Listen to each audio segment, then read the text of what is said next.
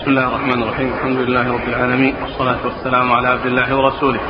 نبينا محمد وعلى آله وصحبه أجمعين. أما بعد. قال الإمام أبو عيسى الترمذي رحمه الله تعالى قال في جامعه باب ما جاء أن الشريك شفيع. قال حدثنا يوسف بن عيسى قال حدثنا الفضل بن موسى عن أبي حمزة السكري عن عبد العزيز بن رفيع عن ابن أبي مليكة عن ابن عباس رضي الله عنهما أنه قال قال رسول الله صلى الله عليه وآله وسلم الشريك شفيع والشفعة في كل شيء. قال أبو عيسى هذا حديث لا نعرفه مثل هذا إلا من حديث أبي حمزة السكري. وقد روى غير واحد عن عبد العزيز بن رفيع عن ابن أبي مليكة عن النبي صلى الله عليه وآله وسلم مرسلا وهذا أصح. قال حدثنا هناد قال حدثنا أبو بكر بن عياش عن عبد العزيز بن رفيع عن ابن أبي مليكة عن النبي صلى الله عليه وآله وسلم نحوه بمعناه. وليس فيه عن ابن عباس وهكذا روى غير واحد عن عبد العزيز بن رفيع مثل هذا. ليس فيه عن ابن عباس وهذا أصح من حديث أبي حمزة وأبو حمزة ثقة. يمكن أن يكون الخطأ من غير أبي حمزة. قال حدثنا هناد قال حدثنا أبو الأحوص عن عبد العزيز بن رفيع عن ابن أبي مليكة عن النبي صلى الله عليه وآله وسلم نحو حديث أبي بكر بن عياش. وقال أكثر أهل العلم إنما تكون الشفعة في الدور والأراضين ولم يروا الشفعة في كل شيء. وقال بعض أهل العلم الشفعة في كل شيء والأول أصح. بسم الله الرحمن الرحيم. الحمد لله رب العالمين وصلى الله وسلم وبارك على عبده ورسوله نبينا محمد وعلى آله وأصحابه أجمعين. أما بعد فيقول لنا أبو عيسى الترمذي رحمه الله في جامعه باب في شفعة الشريك. الشريك شفيع. نعم. الشريك شفيع.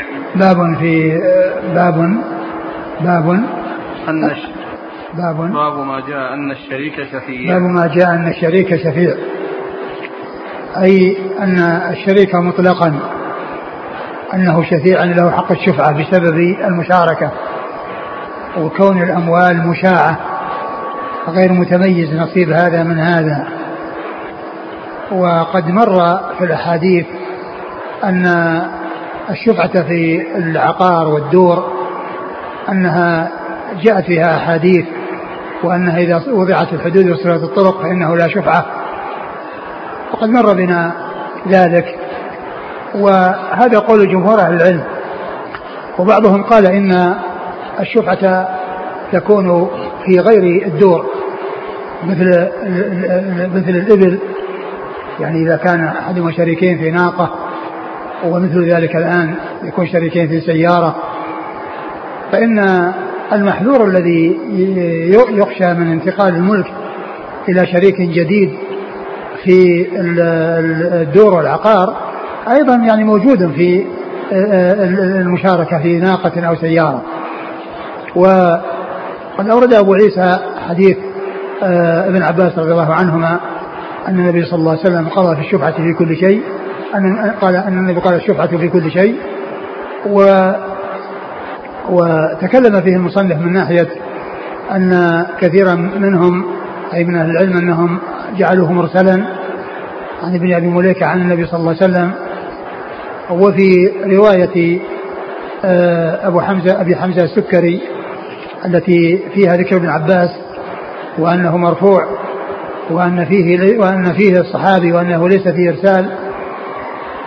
وأبو حمزة السكري ثقة ولكن رجح بعض أهل العلم رواية الذين رووه مرسلا ولكن رواية ابن عباس المرسل المتصلة جاءت أو جاء مثلها عن جابر رضي الله تعالى عنه عند الطحاوي وذكرها الحافظ ابن حجر في بلوغ المرام أن النبي صلى الله عليه وسلم قضى بالشفعة في كل شيء وقال ورجاله ثقات. فيكون هذا الذي جاء من حديث جابر شاهدا لحديث ابن عباس ويكون حجة. وقد احتج بذلك بعض أهل العلم ورأوا أن الشفعة جاءت لدفع الضرر والضرر كما يكون في الدور والعقار فإنه يكون في مثل الاشتراك في الدواب ومثلها السيارات. فاعتبار الشفعة في هذا يبدو أنه هو الأظهر والله تعالى أعلم. نعم. ويقولون أن ما جاء من يعني من من الأحاديث التي فيها ذكر الطرق وذكر صرف الحدود وضرب الطرق وصرف الطرق وضع الحدود وصرف الطرق. قالوا هذا من من قبيل الحكم على بعض أفراد العام بحكم العام وهو لا يخصص العام. يعني معنى ذلك أن هذا آه، يكون مما تكون فيه الشفعه ويكون أيضا غيره مما تكون فيه الشفعه ويكون الشفعه في كل شيء يشمله ويشمل غيره. نعم.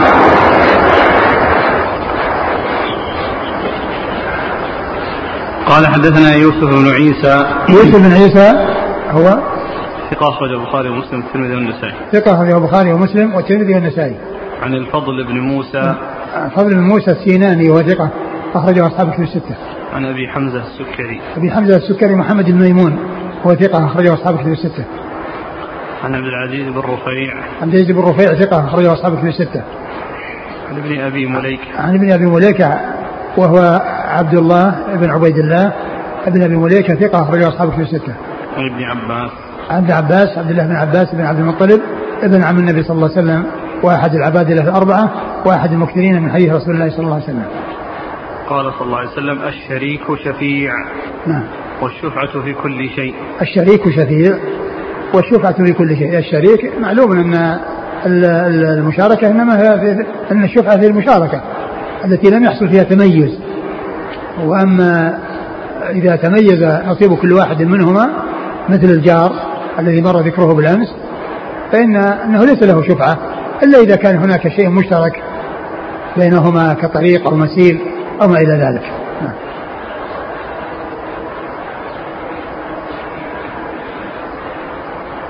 قالوا قد روى غير واحد عن عبد العزيز بن رفيع عن ابن أبي مليكه عن النبي صلى الله عليه وسلم مرسلا وهذا أصح. نعم. قال حدثنا هناد هناد بن السري ثقة أخرجه البخاري في خلق أفعال العباد ومسلم وأصحاب السنن. عن أبي بكر بن عياش. أبي بكر بن عياش وهو ثقة أخرجه البخاري ومسلم في المقدمة. نعم. وأصحاب السنن. عن ابي العزيز بن رفيع عن ابن أبي مليكة عن النبي صلى الله عليه وسلم نحوه بمعناه ليس فيه عن ابن عباس. نعم. وهكذا روى غير واحد عن عبد العزيز بن رفيع مثل هذا ليس فيه عن ابن عباس وهذا أصح من حديث أبي حمزة نعم. وأبو حمزة ثقة يمكن أن يكون الخطأ من غير أبي حمزة قال حدثنا هناد عن أبي الأحوص آه، أبو الأحوص. نعم. سلام بن سليم ثقة أخرجه أصحاب كتب الستة. عن عبد العزيز بن رفيع عن ابن أبي مليكة عن النبي صلى الله عليه وسلم نحو حديث أبي بكر بن عياش. نعم. يقول ما العمل إن لم يكن الشريك قادرا على بيع الحصة وأيضا يمنع شريكه الآخر من بيعها للغير؟ إذا كان؟ قادر على شراء الحصة. ليس له أن يمنع. ليس له أن يمنع. لأن إما أن يشتري منه أو يبيع على شخص آخر. ما دام أنه يعني شيء لا يقبل القسمة. نعم وإذا كان يقبل القسمة يقتسمه.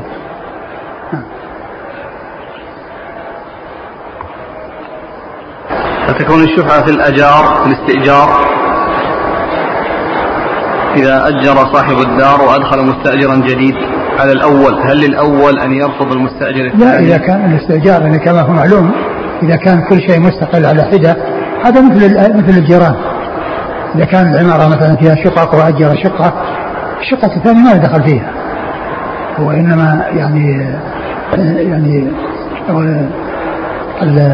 إذا كان الشقة بينهم مشتركة فلا يؤجر واحد.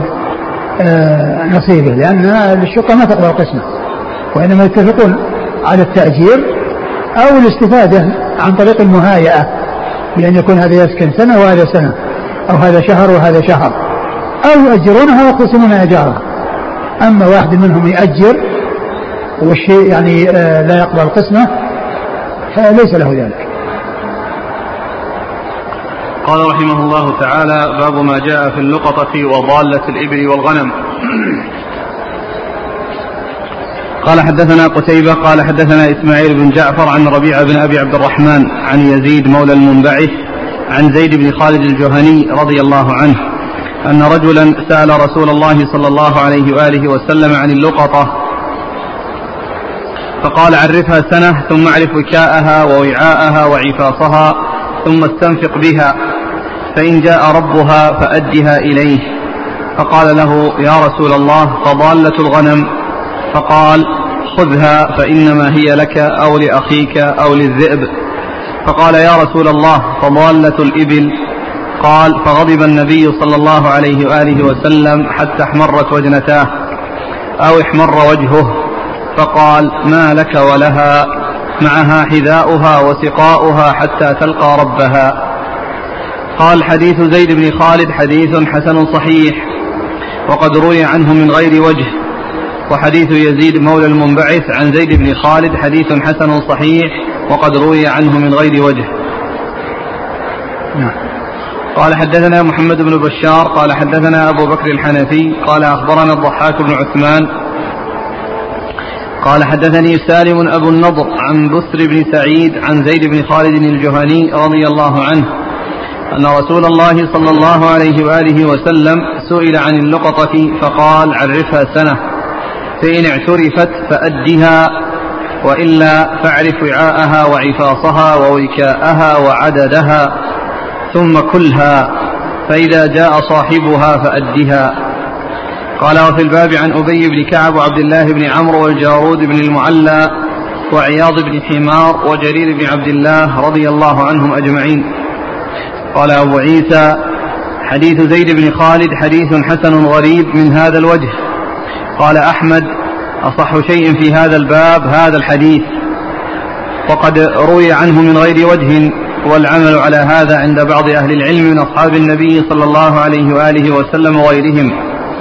ورخصوا في اللقطة إذا عرفها سنة فلم يجد من يعرفها أن ينتفع بها. وهو قول الشافعي وأحمد وإسحاق. وقال بعض أهل العلم من أصحاب النبي صلى الله عليه وآله وسلم وغيرهم تعرفها سنة فإن جاء صاحبها وإلا تصدق بها. وهو قول سفيان الثوري وعبد الله بن المبارك وهو قول أهل الكوفة لم يروا لصاحب اللقطة أن ينتفع بها إذا كان غنيا. وقال الشافعي ينتفع بها وإن كان غنيا. لأن أبي بن كعب رضي الله عنه أصاب على عهد رسول الله صلى الله عليه وآله وسلم صرة فيها مئة دينار. فأمره رسول الله صلى الله عليه وآله وسلم أن يعرفها ثم ينتفع بها. وكان أبي كثير المال من مياسير أصحاب رسول الله صلى الله عليه وآله وسلم. فأمره النبي صلى الله عليه وآله وسلم أن يعرفها فلم يجد من يعرفها فأمره النبي صلى الله عليه وعلى آله وسلم أن يأكلها. فلو كانت اللقطة لم تحل إلا لمن تحل له الصدقة لم تحل لعلي بن أبي طالب رضي الله عنه. لأن علي بن أبي طالب أصاب دينارا على عهد النبي صلى الله عليه وعلى آله وسلم فعرفه فلم يجد من يعرفه. فأمره النبي صلى الله عليه وعلى آله وسلم أن فأمره النبي صلى الله عليه وآله وسلم بأكله وكان لا يحل له الصدقة. وقد رخص بعض أهل العلم إذا كانت اللقطة يسيرة أن ينتفع بها ولا يعرفها. وقال بعضهم إذا كان دون دينار يعرفها قدر جمعة وهو قول إسحاق بن إبراهيم. قال حدثنا الحسن بن علي الخلال قال حدثنا عبد الله بن نمير ويزيد بن هارون. عن سفيان الثوري عن سلمة بن كهيل عن سويد بن غفلة قال خرجت مع زيد بن صوحان وسلمان بن ربيعة فوجدت سوطا قال ابن نمير في حديثه فالتقطت سوطا فأخذته. قال دعه. فقلت لا أدعه. لا أدعه تأكله السباع لآخذنه فلأستمتعن به. فقدمت على أبي بن كعب رضي الله عنه فسألته عن ذلك وحدثته الحديث. فقال أحسنت. وجدت على عهد رسول الله صلى الله عليه وآله وسلم صرة فيها مئة دينار. قال فأتيته بها. فقال لي عرفها حولا. فعرفتها حولا فما أجد من يعرفها. ثم أتيته بها. فقال عرفها حولا آخر. فعرفتها ثم أتيته بها فقال عرفها حولا آخر.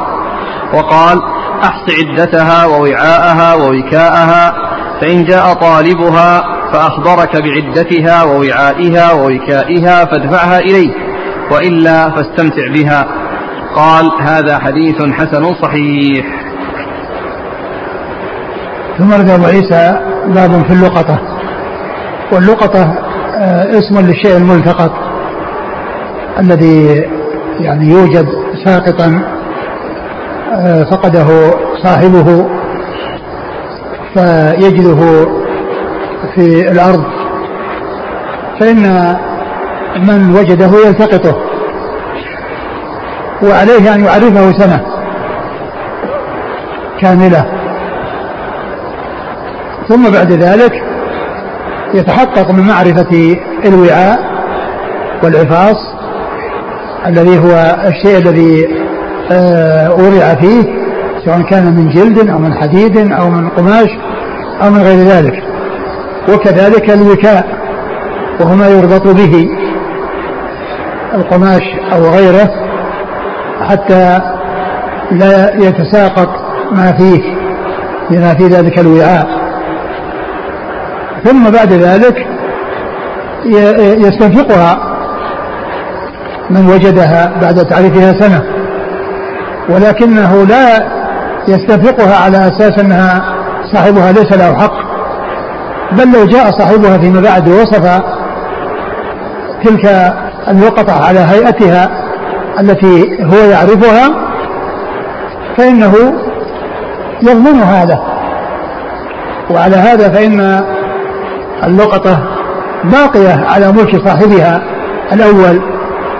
ولا يقال أنها تخرج عن ملكه وأنه يضيع حقه ولكن رخص للملتقط بعد التعريف سنة أن ينفقها على نفسه وأن يأكلها ويستفيد منها ولكنه لو جاء صاحبها فيما بعد وعرفها وذكر الصفات التي هي آه، آه، فيها أو هي لها فإنه يدفعها إليه ويغرمها له. وقد أورد أبو عيسى حديث زيد بن خالد رضي الله عنه من طريقين وحديث أبي بن كعب رضي الله تعالى عنه. وفي حديث زيد بن خالد أن أن الرسول صلى الله عليه وسلم جاءه رجل وسأله عن اللقطة فقال اعرف كاءها وعفاصها وعرفها سنة فإن جاء صاحبها فأديها إليه وإلا فاعرف عفاصها وكاءها وأستنفقها وإن جاء صاحبها فيما بعد فأعطيها إياه. يعني إن كانت موجودة سلمها له وإن كانت استهلكت فإنه يضمن له مثلها أو قيمتها. فسأله عن ضالة الغنم فقال خذها فإنما هي لك أو لأخيك أو للذئب يعني معناه أن اللقطة أن أن الضالة ومعنى هذا أن اللقطة لا تكون إلا في في, في الأشياء التي آه، مثل النقود ومثل المتاع وما إلى ذلك. وأما الحيوانات فيقال لها ضوال لأنها ضلت عن صاحبها وتاهت عن صاحبها فيقال لها ضالة ولا يقال لها لقطة. اللقطة هي الشيء الذي يلتقط مما يكون ساقطا من أهله. وأما ما كان من بهيمة الأنعام فإنه يقال له ضوال لأنها ضلت عن أهلها وتاهت عن أهلها. فإذا كانت من الغنم فإنه يأخذها ويعني يستفيد منها. وإن جاء صاحبها فإنه يضمنها له. إن جاء صاحبها فإنه يضمنها له. يعني يعرفها وبعد ذلك يستفيد منها. ولا يلزم أن يعرفها سنة. لأن لأنها تحتاج إلى علف وتحتاج إلى نفقة وقد ينفق عليها أكثر من قيمتها. وقد ينفق عليها أكثر من قيمتها. وإنما يستفيد منها ويتحقق من من من, من قيمتها و و يأكلها ويستفيد منها. وقد قال الإنسان ما هي لك أو لأخيك أو للذئب. يعني إما هي أن تكون لك بحيث يعني ما يأتي لها صاحب أو تكون لأخيك الذي هو صاحبها عندما يأتي يطلبها أو للذئب الذي يأكلها إذا وجدها حيث لم يأخذها أحد يحفظها لصاحبها أو يستمتع بها ويدفعها ويدفع مثلها أو قيمتها لصاحبها. وهذا إنما يكون في البراري والفلوات. وأما إذا كان الفقدان في نفس البلد فليس لها هذا الحكم لأن غالبا الذئاب ما تكون في المدن وإنما تكون في الفلات فلا يلزمه أن أن يأخذها وإنما يتركها فقد يبحث عنها صاحبها في الأسواق ويجدها. وإن أخذها وحفظها ولكنه وضع شيء يدل على عليها و بحيث يهتدي صاحبها إلى أنها عنده فعل. ولكنها ليست مثل التي في الفلات الفلات هي التي إما له أو لأخيها أو للذئب. وأما إذا كانت في البلد يعني ليس للذئب فيها نصيب. و فسأله عن ضلة الإبل. فغضب رسول الله صلى الله عليه وسلم وتلون وجهه ذلك أن أنه لا مجال لأخذ آه، ضالة الإبل كما هو الشأن في ضالة الغنم لأن الإبل عندها قدرة على قطع الفيافي وذلك يعني سيرها وكذلك أيضا عندها قدرة على الصبر عن الماء لأنها في كرشها يعني من الماء يعني ما آه، تستطيع أن تصبر به أياما فلا يقتلها الظمأ وليست مثل الغنم التي هي عرضة للتلف وعرضة للذئب والرسول صلى الله عليه وسلم قال معها حذاؤها وسقاؤها. حذاؤها الذي هو خفها. يعني معناها أنها تمشي وتصل إلى صاحبها وتقطع المسافات حتى تصل. ومعها سقاؤها الذي هو كرشها وبطنها الذي تخزن فيه الماء وتبقى مدة صابرة عن الماء ليست كغيرها من الحيوانات التي لا تتمكن من الصبر مدة. آه فأخبره صلى الله عليه وسلم ويعني أنه يتركها وأنها تصل إلى صاحبها وتمنع نفسها من السباع. ليست كالغنم التي تأكلها السباع فعندها قدرة على التخلص من السباع وعندها قدرة على السير وعندها قدرة على الصبر على العطش. ثم ذكر بعد ذلك حديث زي آه، حديث أبي بن كعب رضي الله عنه الذي هي أنه لقي صوتا وأن معه أن صاحبيه قالوا اتركه فقال لا أنه لا يتركه حتى تأكله السباع وكأنه صوتا من جلد وقد يكون عليه أثر يعني ال ال ال أثر يعني النداوه ورطوبة فيعني تأخذه السباع. فدل هذا على أن الشيء التافه مثل الصوت ومثل السكين ومثل الحبل اليسير وما إلى ذلك أن الإنسان يأخذه ولا يحتاج إلى تعريف ولا يحتاج إلى تعريف. يعني مثل ما تعرف آه وبعض أهل العلم قال أن الشيء اليسير أنه يعرف جمعة مدة أسبوع. ولكن آه مثل هذا لا لا تتبعه همم أوساط الناس لأن من فقد له صوت أو عصا أو ما إلى ذلك يعني الأمر سهل. ليس كمن يسقط له نقود أو يسقط له متاع يعني له قيمة وله ثمن. ثم إن أنه آه، لقي أبي بن كعب رضي الله عنه وأخبر أنه آه، وجد صرة آه، فيها دنانير والرسول صلى الله عليه وسلم قال عرفها سنة ثم جاءه قال عرفها سنة أخرى ثم قال عرفها سنة ثالثة ثم أمره أن أمره بأن يستنفقها. وهذا فيه يعني ما يخالف ما جاء في حديث زيد بن خالد من التعريف سنة. فجمع بعض أهل العلم بين الحديثين بأن السنة هي الشيء الذي لا بد منه وهي الحد الأدنى.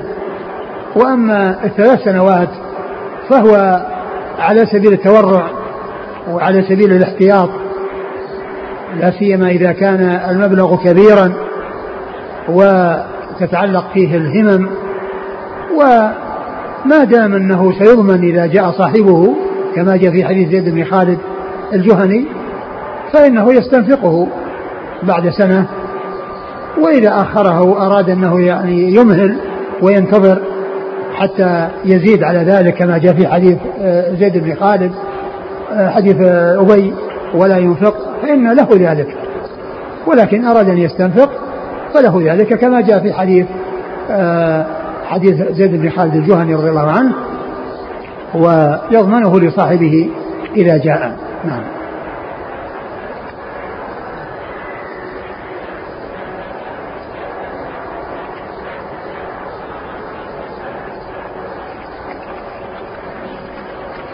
قال حدثنا قتيبة قتيبة بن سعيد ثقة أخرجه أصحابه في الستة. عن إسماعيل بن جعفر إسماعيل بن جعفر ثقة أخرجه أصحابه في الستة. عن ربيعة بن أبي عبد الرحمن وهو ثقة أخرجه أصحابه في الستة. عن يزيد مولى المنبعث يزيد مولى المنبعث هو صدوق أخرجه أصحاب الكتب صدوق أخرجه أصحابه في الستة. عن زيد بن خالد الجهني عن زيد بن خالد الجهني رضي الله عنه أخرجه أصحابه في الستة. قال اعرف وكاءها الوكاء هو ما تربط به وما تشد به حتى لا يتساقط ما في الوعاء. نعم. عفاصها وعفاصها هو وعاءها. نعم.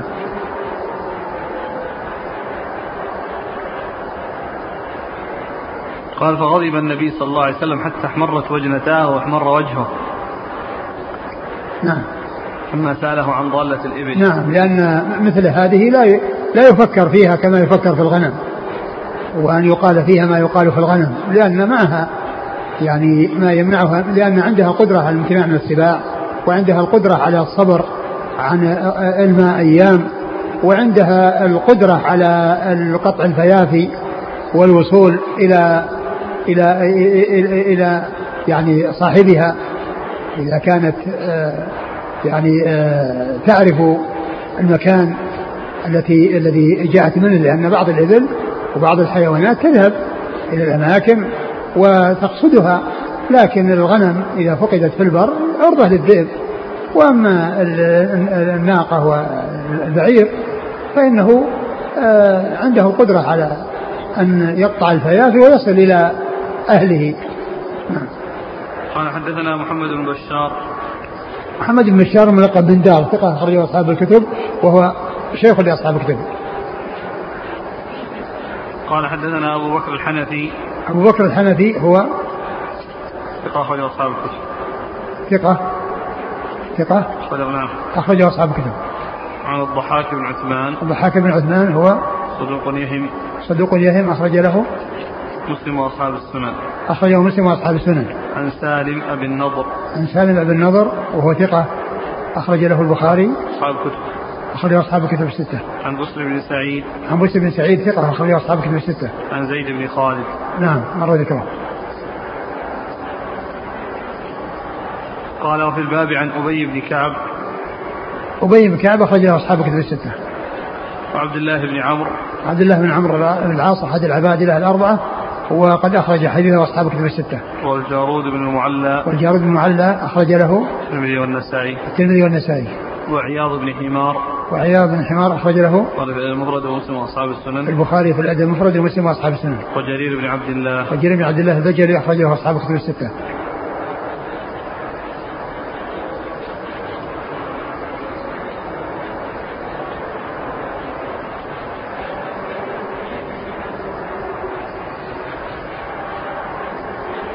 آه، ضابط اللقطة اليسيرة. يعني التافهة قالوا مثل ما قالوا أقل من دينار. يعني مثل ما قالوا أقل من دينار.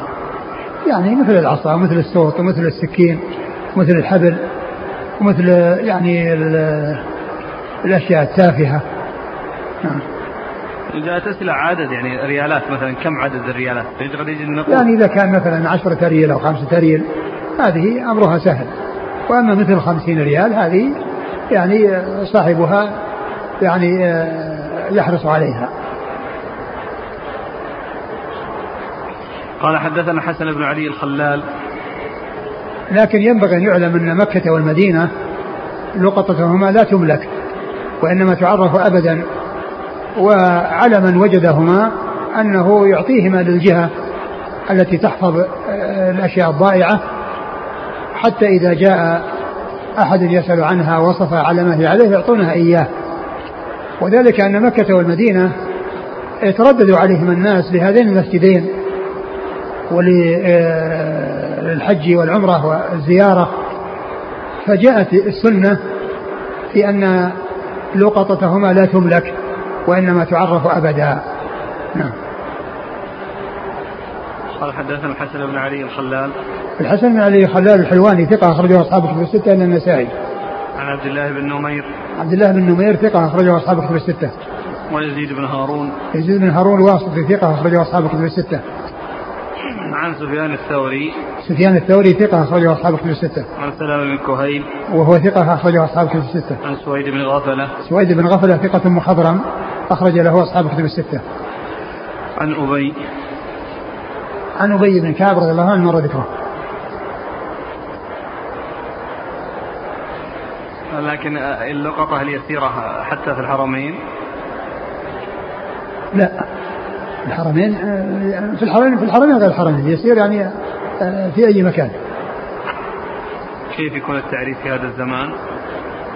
بالنسبة للحرمين آه، تعطى للجهة المسؤولة. وأما في هذا ففي المجامع ويمكن يكتب يعني إعلانات على أنه يوجد لقطة أو يوجد نقود يعني مفقودة عند عند يتصل على الهاتف الفلاني. يعني يمكن مثل مثل مثل هذه هذه الأمور. يعني منها كونه يوضع إعلان يعني آه، ملصق يكون في بعض الأماكن أو إنه يعني ينادي. كل هذا يكون بالاعلان البقر بأي الصنفين يلحق؟ البقر تلحق بالغنم يقول إذا كان الجبل صغير. إذا كان الجمل صغير يعني منها يعني آه، وإنما هو آه، من الفصال يعني التي يعني ما تستطيع بأن يكون مثلا آه، ذهبت عن همة أو فإن مثل هذا يلحق بال يلحق بالغنم ويلحق بالبقر. إذا كان صغيرا جدا. نعم. من ترك اللقطة مكانها يأتم. آه، الأولى للإنسان أنه لا يتركها وإنما يعني يأخذها ويعطيها أحد إذا كان مو راح يتولاها لأنه قد يأتي إليها من يضيعها على صاحبها أو يأتي إليها طفل يعني آه، يأخذها ثم يضيعها. فقضية أن يكون هي لا لا أدري لكن الأولى أنه لا يتركها. دفع القيمة بعد مضي سنة بقيمة الوجود وقيمة المثل في الوقت. لا قيمتها قيمتها عند عند الاستنفاق عندما استنفقها.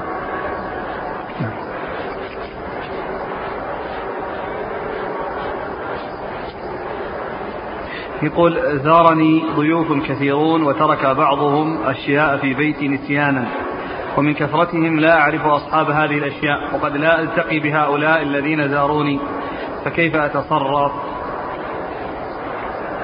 إذا كان إذا كان يمكن أن يهتدي إليهم يمكن أن يهتدي إليهم أو يعني يتصل بأحد منهم ويقول إن أنكم فقدتم أو تركتم يعني آه عندي آه يعني شيء وجاءوا وطلبوا يعطيهم إياه.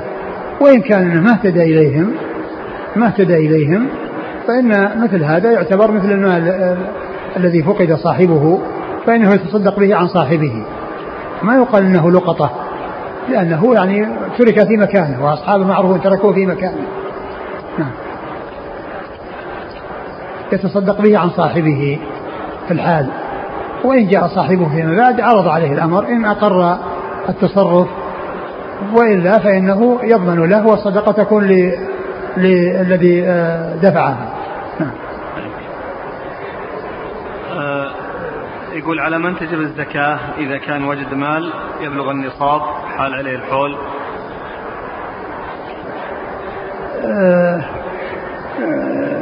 معلوم أن أن أن الزكاة يعني هي قبل أن يحول الحول هي في ملك في ملك آه، الذي فقدها وليست في ملك هذا لأنها تدخل في ملكه آه، بعد الحول تدخل في ملكه وإذا حال الحول يزكيها وإن أنفقها وأكلها ليس فيها زكاة لكن بالنسبة.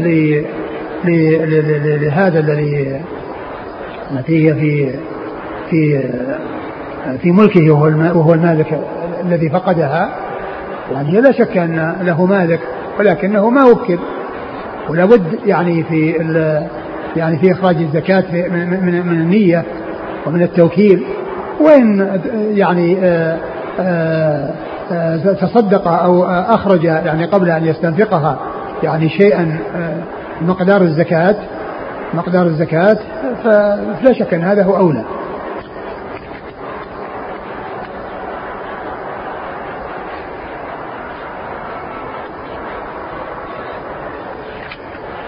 ويكون هذا من قبيل الصدقة. احتياطا. نعم.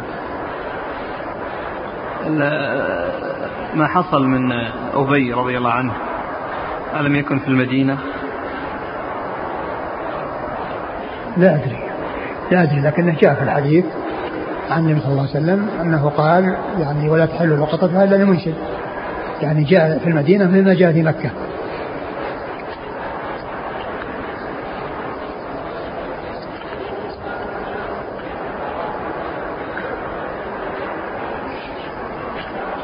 قال رحمه الله تعالى باب في الوقف.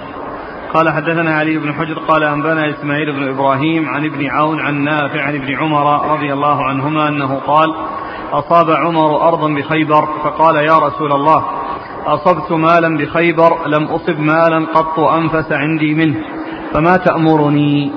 قال إن شئت حبست أصلها وتصدقت بها فتصدق بها عمر أنها لا يباع أصلها ولا يوهب ولا يورث تصدق بها في الفقراء والقربى والرقاب وفي سبيل الله وابن السبيل والضيف. لا جناح على من وليها أن يأكل منها بالمعروف أو يطعم صديقا غير متمول فيه. قال فذكرته لمحمد بن سيرين فقال غير متأثل ما لا قال ابن عون فحدثني به رجل آخر أنه قد أنه قرأها في قطعة أديم أحمر غير متأثل مالا قال إسماعيل وأنا قرأتها عند ابن عند ابن عبيد ابن عبيد الله بن عمر فكان فيه غير متأثل مالا قال أبو عيسى هذا حديث حسن صحيح والعمل على هذا عند أهل العلم من أصحاب النبي صلى الله عليه وسلم وغيرهم. لا نعلم بين المتقدمين منهم في ذلك اختلافا في إجازة وقف الأراضين وغير ذلك. ثم يا أبو عيسى باب, باب, باب في الوقف. والوقف هو تحبيس الأصل وتسبيل المنفعة بمعنى أن الأصل يبقى لا يباع ولا يوهب ولا يورث وإنما هو خرج من ملك مالكه ناجزا عند الإيقاع عندما أوقفه وتكون منافعه في الطرق التي ذكر الواقف بأنها تصرف فيها من وجوه البر. و فالوقف هو تحبيس الأصول بمعنى أنها يعني لا يتصرف فيها ومنافعها التي تحصل يعني شيئا فشيئا يتصدق بها وتصرف في وجوه البر التي آه التي آه آه ذكرها الواقف. ولا يتصرف في الوقف بالبيع إلا إذا تعطلت منافعه ولم يكن هناك فائدة من وراء بقائه. فإذا رؤي المصلحة في ذلك فإنه يباع ويوضع. يعني القيمة في في مثلها يعني في وقف آخر. ومثل ذلك يرجع فيه إلى المحاكم وإلى القضاة يعني حتى يعني آه، يأذنوا ببيعه يعني حيث يعني يتبين بأن المنافع متعطلة وأن بقاءه ليس من ورائه فائدة. وأما إذا كان النفع آه، موجودا وحاصلا فإنه يبقى على وقفه ولا يباع. ويصرف في المواضع التي أو في الوجوه التي ذكرها الواقف. وقد أورد أبو عيسى حديث عمر رضي الله عنه أنه لما يعني ملك أو صار له أرض من خيبر وكانت من أنفس ماله وجاء إلى النبي صلى الله عليه وسلم يستأذنه في يعني في التصدق بها فقال إن شئت حبست أصلها إن شئت حبست حبست أصلها وإيش؟ وتصدقت بها. وتصدقت بها يعني بال يعني بالمنافع. الذي هو الريع والثمرة. إن شئت حبست أصلها يعني لا يباع ولا يوهب ولا يورث وإنما خرج من ملكه وقف لله عز وجل آه، ثمرته وريعه يصرف في وجوه البر.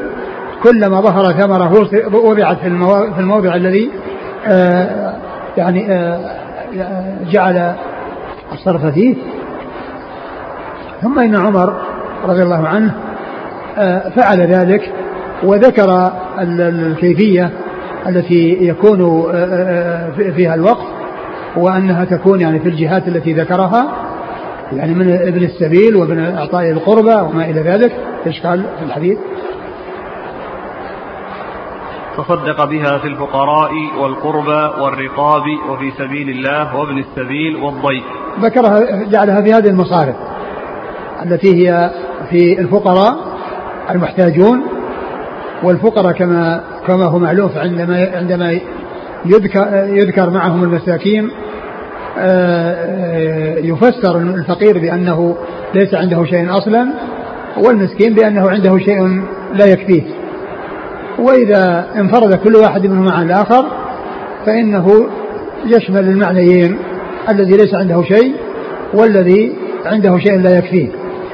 وكذلك القربى يعني قرابة الواقف قرابة الواقف وكذلك في آه، آه، ابن السبيل وفي الرقاب يعني سواء آه، لشرائها واعتاقها أو لمساعدة المكاتب على كتابته بحيث يتمكن من حرية نفسه وانتهاء عبوديته فإنه يعطى من هذا الوقت الذي ذكر أنه تصرف فيه آه، أو يصرف فيه رأي ذلك الوقت.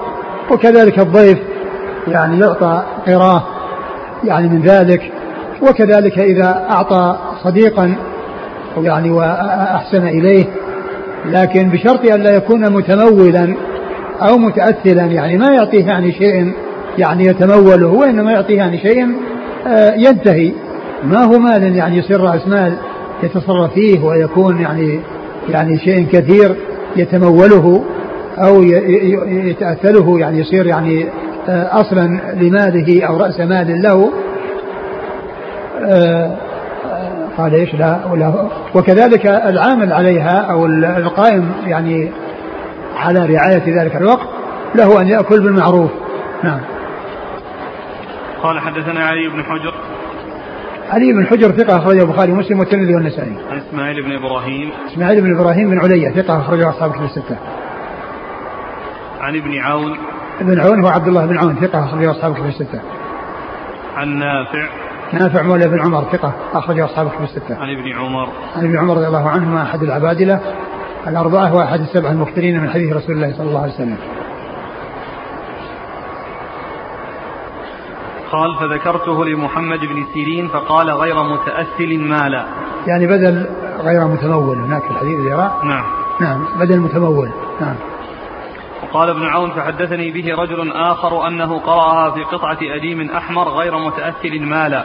نعم. وقال إسماعيل وأنا قرأتها عند ابن عبيد الله بن عمر فكان فيه غير متأثل مالا. نعم. إذا أذنتم الحافظ ذكر فوائد عند الحديث. هذا الحديث؟ إي نعم. الحافظ؟ نقلا من كتاب الفتح. الشارح؟ لا. فائدة تبون نكمل اليوم ولا ولا يعني نأخر بعضه إلى بكرة؟ إذا كان إذا كان نأخر بعضه إلى بكرة ما في بس نتوقف ونقرأ الفوائد. وإن كنتم تريدون نكمل حتى لا تحضروا الكتابين غدا لا بأس. كما تريدون. لكن أنا أحب أن أنبه على شيء مر في درس أمس وهو الحديث الذي عن ابن عباس الذي فيه أن التسوية بين الأولاد تكون بمساواة الذكر والأنثى وأن الرسول صلى الله عليه وسلم قال لو كنت مفضلا أحدا لفضلت النساء. وأن بعض أهل العلم احتج به على أن أن أن القسمة أو أن إعطائهم لا يكون على حسب الميراث وإنما يسوى بين الذكور والإناث. والحديث ضعيف لأن في إسناده سعيد بن يوسف رجال التقريب رجال التهذيب وما تفرع عنه. وقد قال عنه الحافظ في التقريب إنه ضعيف وقد روى له أبو داود في المراسيل سعيد بن يوسف. فهذا في رجال إسناده. وقد ذكر يعني في, في, في الشارح نقلا عن الفتح. أن أنه رواه سعيد بن منصور ورواه البيهقي من طريقه من طريق سعيد بن منصور. وفي آه، إسناده أو إسناد سعيد بن منصور آه، سعيد بن يوسف هذا الذي قال عنه الحافظ التقريب إنه ضعيف. وعلى هذا فالقول بأنه يفرق بينهم في العطية كما يفرق بينهم في الميراث أن هذا هو الأقرب وأن هذه الطريقة تجعل الإنسان على يعني سواء أعطاهم أو أخر ذلك حتى الموت الطريقة واحدة. وبعض الناس قد آه، لا يرغب أن يكون النساء مثل الرجال فيبادر إلى أن يوزع بينهم ماله في حياته ويسوي بين الذكر والأنثى.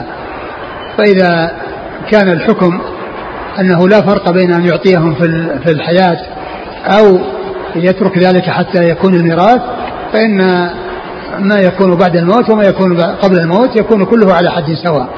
نعم.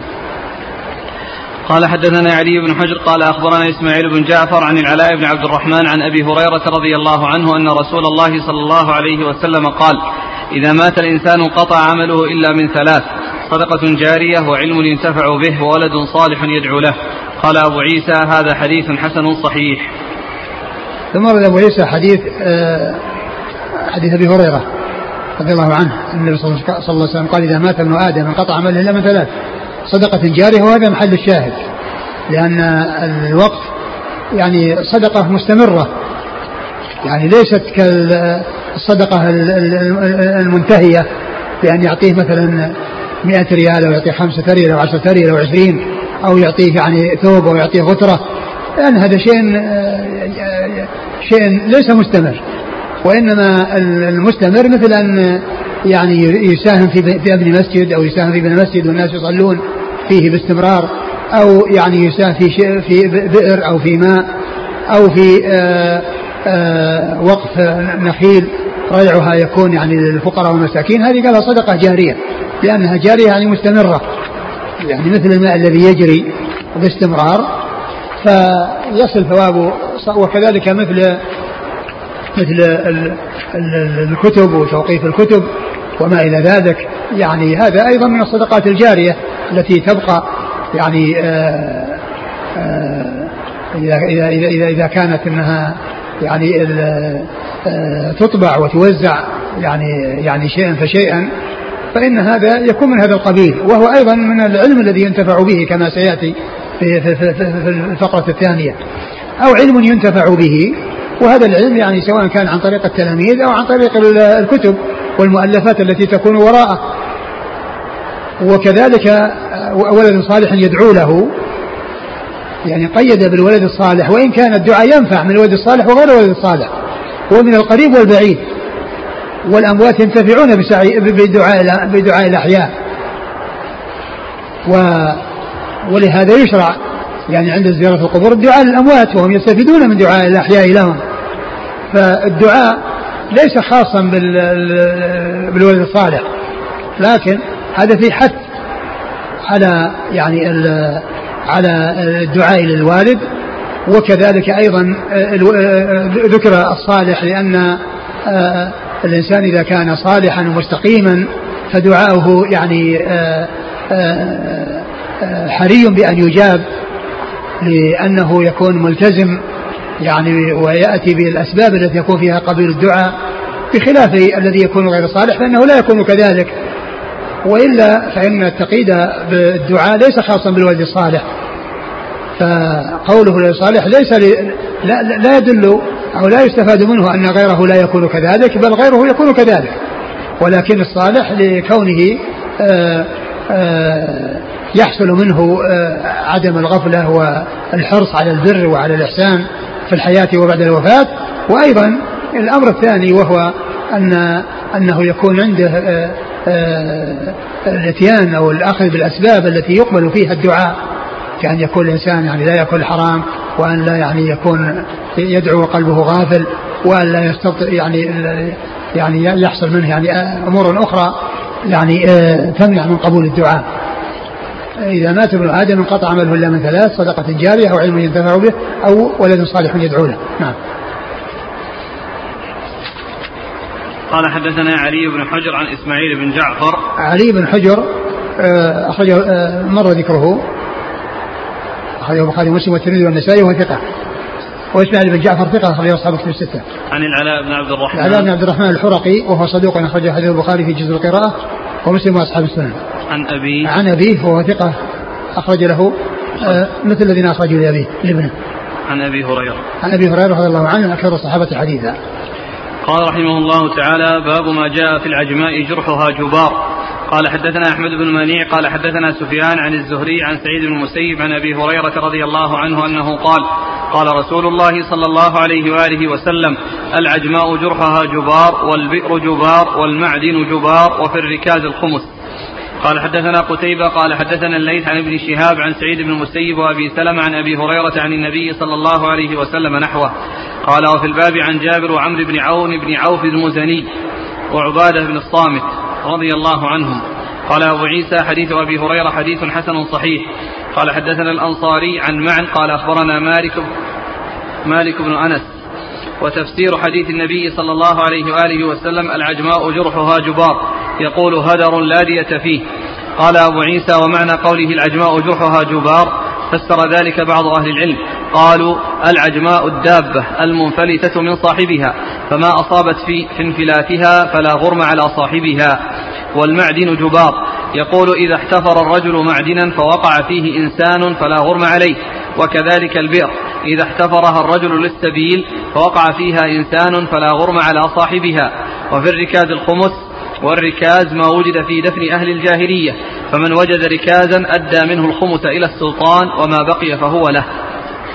ثم ورد أبو عيسى باب ما جاء أن العجمة جرحها جبار. والعجمة هي الدابة البهيمة التي لا يعني لا تنطق ولا تتكلم. يعني قيل لها عجمة يعني آه، آه، وصفت بأنها عجمة لكونها لا يعني لا تتكلم ولا تنطق. و آه، وقد أورد أبو عيسى حديث أبي هريرة. أبي هريرة رضي الله عنه أن النبي صلى الله عليه وسلم قال العجماء جرحها جبار.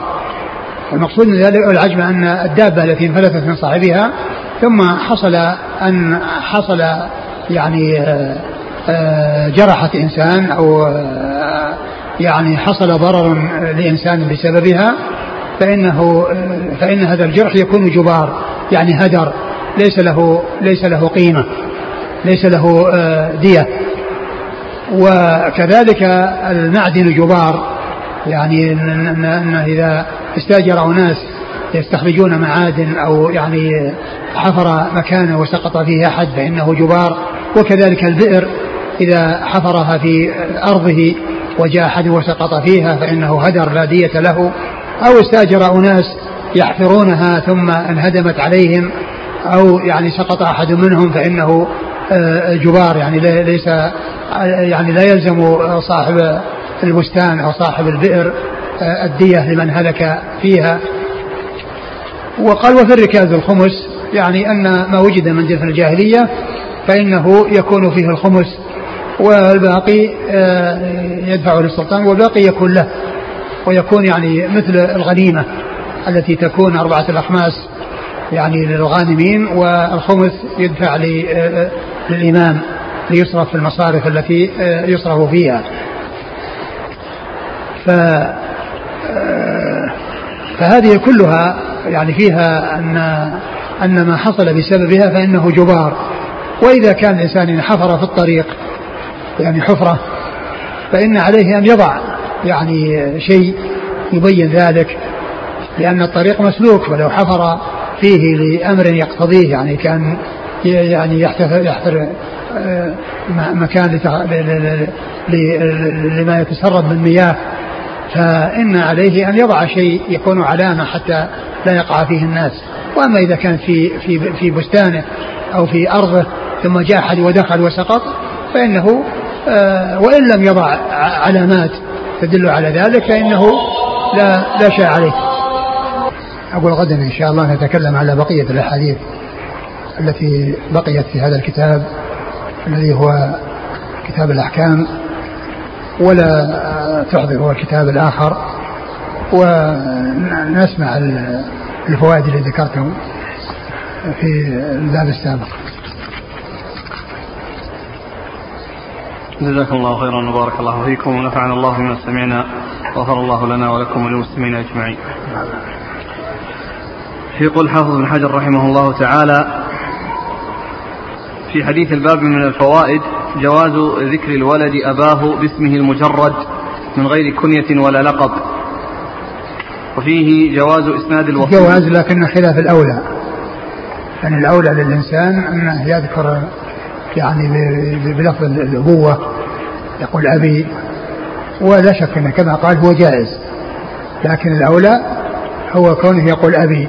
هذا هو الأولى والجواز جائز نعم. وفيه جواز إسناد الوصية. وفيه إسناد جواز جواز؟ إسناد الوصية. مم. جواز إسناد الوصية؟ نعم. مم. نعم ما أدري شو مقصود إسناد الوصية. وفيه إسناد النظر إلى من لم يسمى إذا وصف بصفة معينة تميز إسناد الوصية. يعني كان يعني يوصي لأحد أو يعني وفيه الثاني وشو؟ جواز إسناد إيش؟ وفيه إسناد النظر إلى من لم يسمى إذا وصف بصفة معينة تميزه. نعم إسناد النظر يعني الناظر على الوقت. نعم. وفيه أن الواقف يلي النظر على وقفه إذا لم يسنده لغيره. نعم. قال الشافعي لم يزل العدد الكثير من الصحابة فمن بعدهم يلون أوقافهم. نقل ذلك الألوف عن الألوف لا يختلفون فيه. نعم. وفيه استشارة أهل العلم أهل العلم والدين والفضل في طرق الخير سواء كانت دينية أو دنيوية. وهذا من كونه جاء إلى الرسول صلى الله عليه وسلم يسأله يعني ماذا يصنع كيف يصنع والرسول صلى الله عليه وسلم هو الذي يأتي بالشرع من عند الله عز وجل لكن يعني يدل على أن الرجوع إلى من عنده معرفة وكذلك الرجوع إلى أهل العلم في الأمور التي يحتاج إليها. هذه من الأمور التي لا بد منها. والله تعالى يقول فاسألوا أهل الذكر إن كنتم لا تعلمون. نعم. وفيه أن المشير يشير بأحسن ما يظهر له في جميع الأمور. نعم المستشار يعني آه، عليه أن آه، ينصح لمن استشاره وأن آه، يمحضه النصح والمشورة في الشيء الذي يرى أنه أحسن شيء يرى فيه المصلحة للمستشير نعم. وفيه فضيلة ظاهرة لعمر برغبته في امتثال قوله تعالى لن تنالوا البر حتى تنفقوا مما تحبون نعم. وفيه فضل الصدقة الجارية وصحة شروط الواقف واتباعه فيها وأنه لا يشترط تعيين المصرف لفظا. وفيه أن الوقف لا يكون إلا فيما له. يعني لو قال مثلا في وجوه البر ووجوه الخير يجوز. يعني ليس بلازم أنه يعين لكن لو عين يؤخذ بالتعيين. ولو أجمل فالناظر يعني يصرفها في وجوه الخير. نعم. وفيه أن الوقف لا يكون إلا فيما له أصل يدوم الانتفاع به فلا يصح وقف ما لا يدوم الانتفاع به كالطعام. نعم. يعني الشيء المستهلك الذي يعني ينتهي باستعماله هذا لا لا يقال له وقف. وقف يعني مثل آه، أرض تزرع أو ثمرتها أو ما يحصل من ريعها يكون وقف أو أرض أو نخل يعني ثمرته يعني أو مسجد مثلا يعني الأجر في الصلاة فيه أو ماء يعني يشربه الناس مسبل باستمرار سواء لشرب الماشية أو لشرب الناس. كل ذلك يعني من الشيء المستمر. نعم. وفيه جواز الوقف على الأغنياء لأن ذوي القربى والضيف لم يقيد بالحاجة. نعم.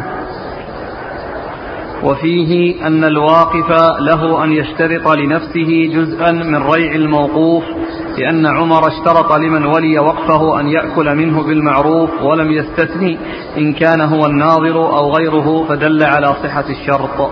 نعم. مثل المشاركة في قضية البئر يعني التي اشتراها عثمان رضي الله عنه وكان يعني يستفيد منها ويستفيد المسلمون منها. يعني ودلوه مثل دلاء مثل دلاء المسلمين. يعني معناه أنه يستفيد من ذلك الوقف الذي أوقفه وهو الماء. نعم. يقول السائل عندي مكتبة وقفتها في مسجد في قريتنا ولكن لا أحد يقرأ في هذه المكتبة فهل يجوز أن أنقلها إلى مكان آخر؟ نعم. كان تقوله إذا كان منافع يعني متعطلة لا يستفاد منها فانقلها إلى مكان يستفاد منها. هل الكراسي التي توضع عليها المصاحف موقوفة على هذا الاستعمال خاصة أو يجوز استعمالها في غير هذا؟ آه، إذا كان استعمالها مثل مثل الكتب وضع الكتب عليها يعني يبدو أنه لا بأس. أما إذا استعملت لأن يتوسدها الإنسان أو يعني يت... يعني يسند ظهره إليها فهي ما وضعت لهذا نعم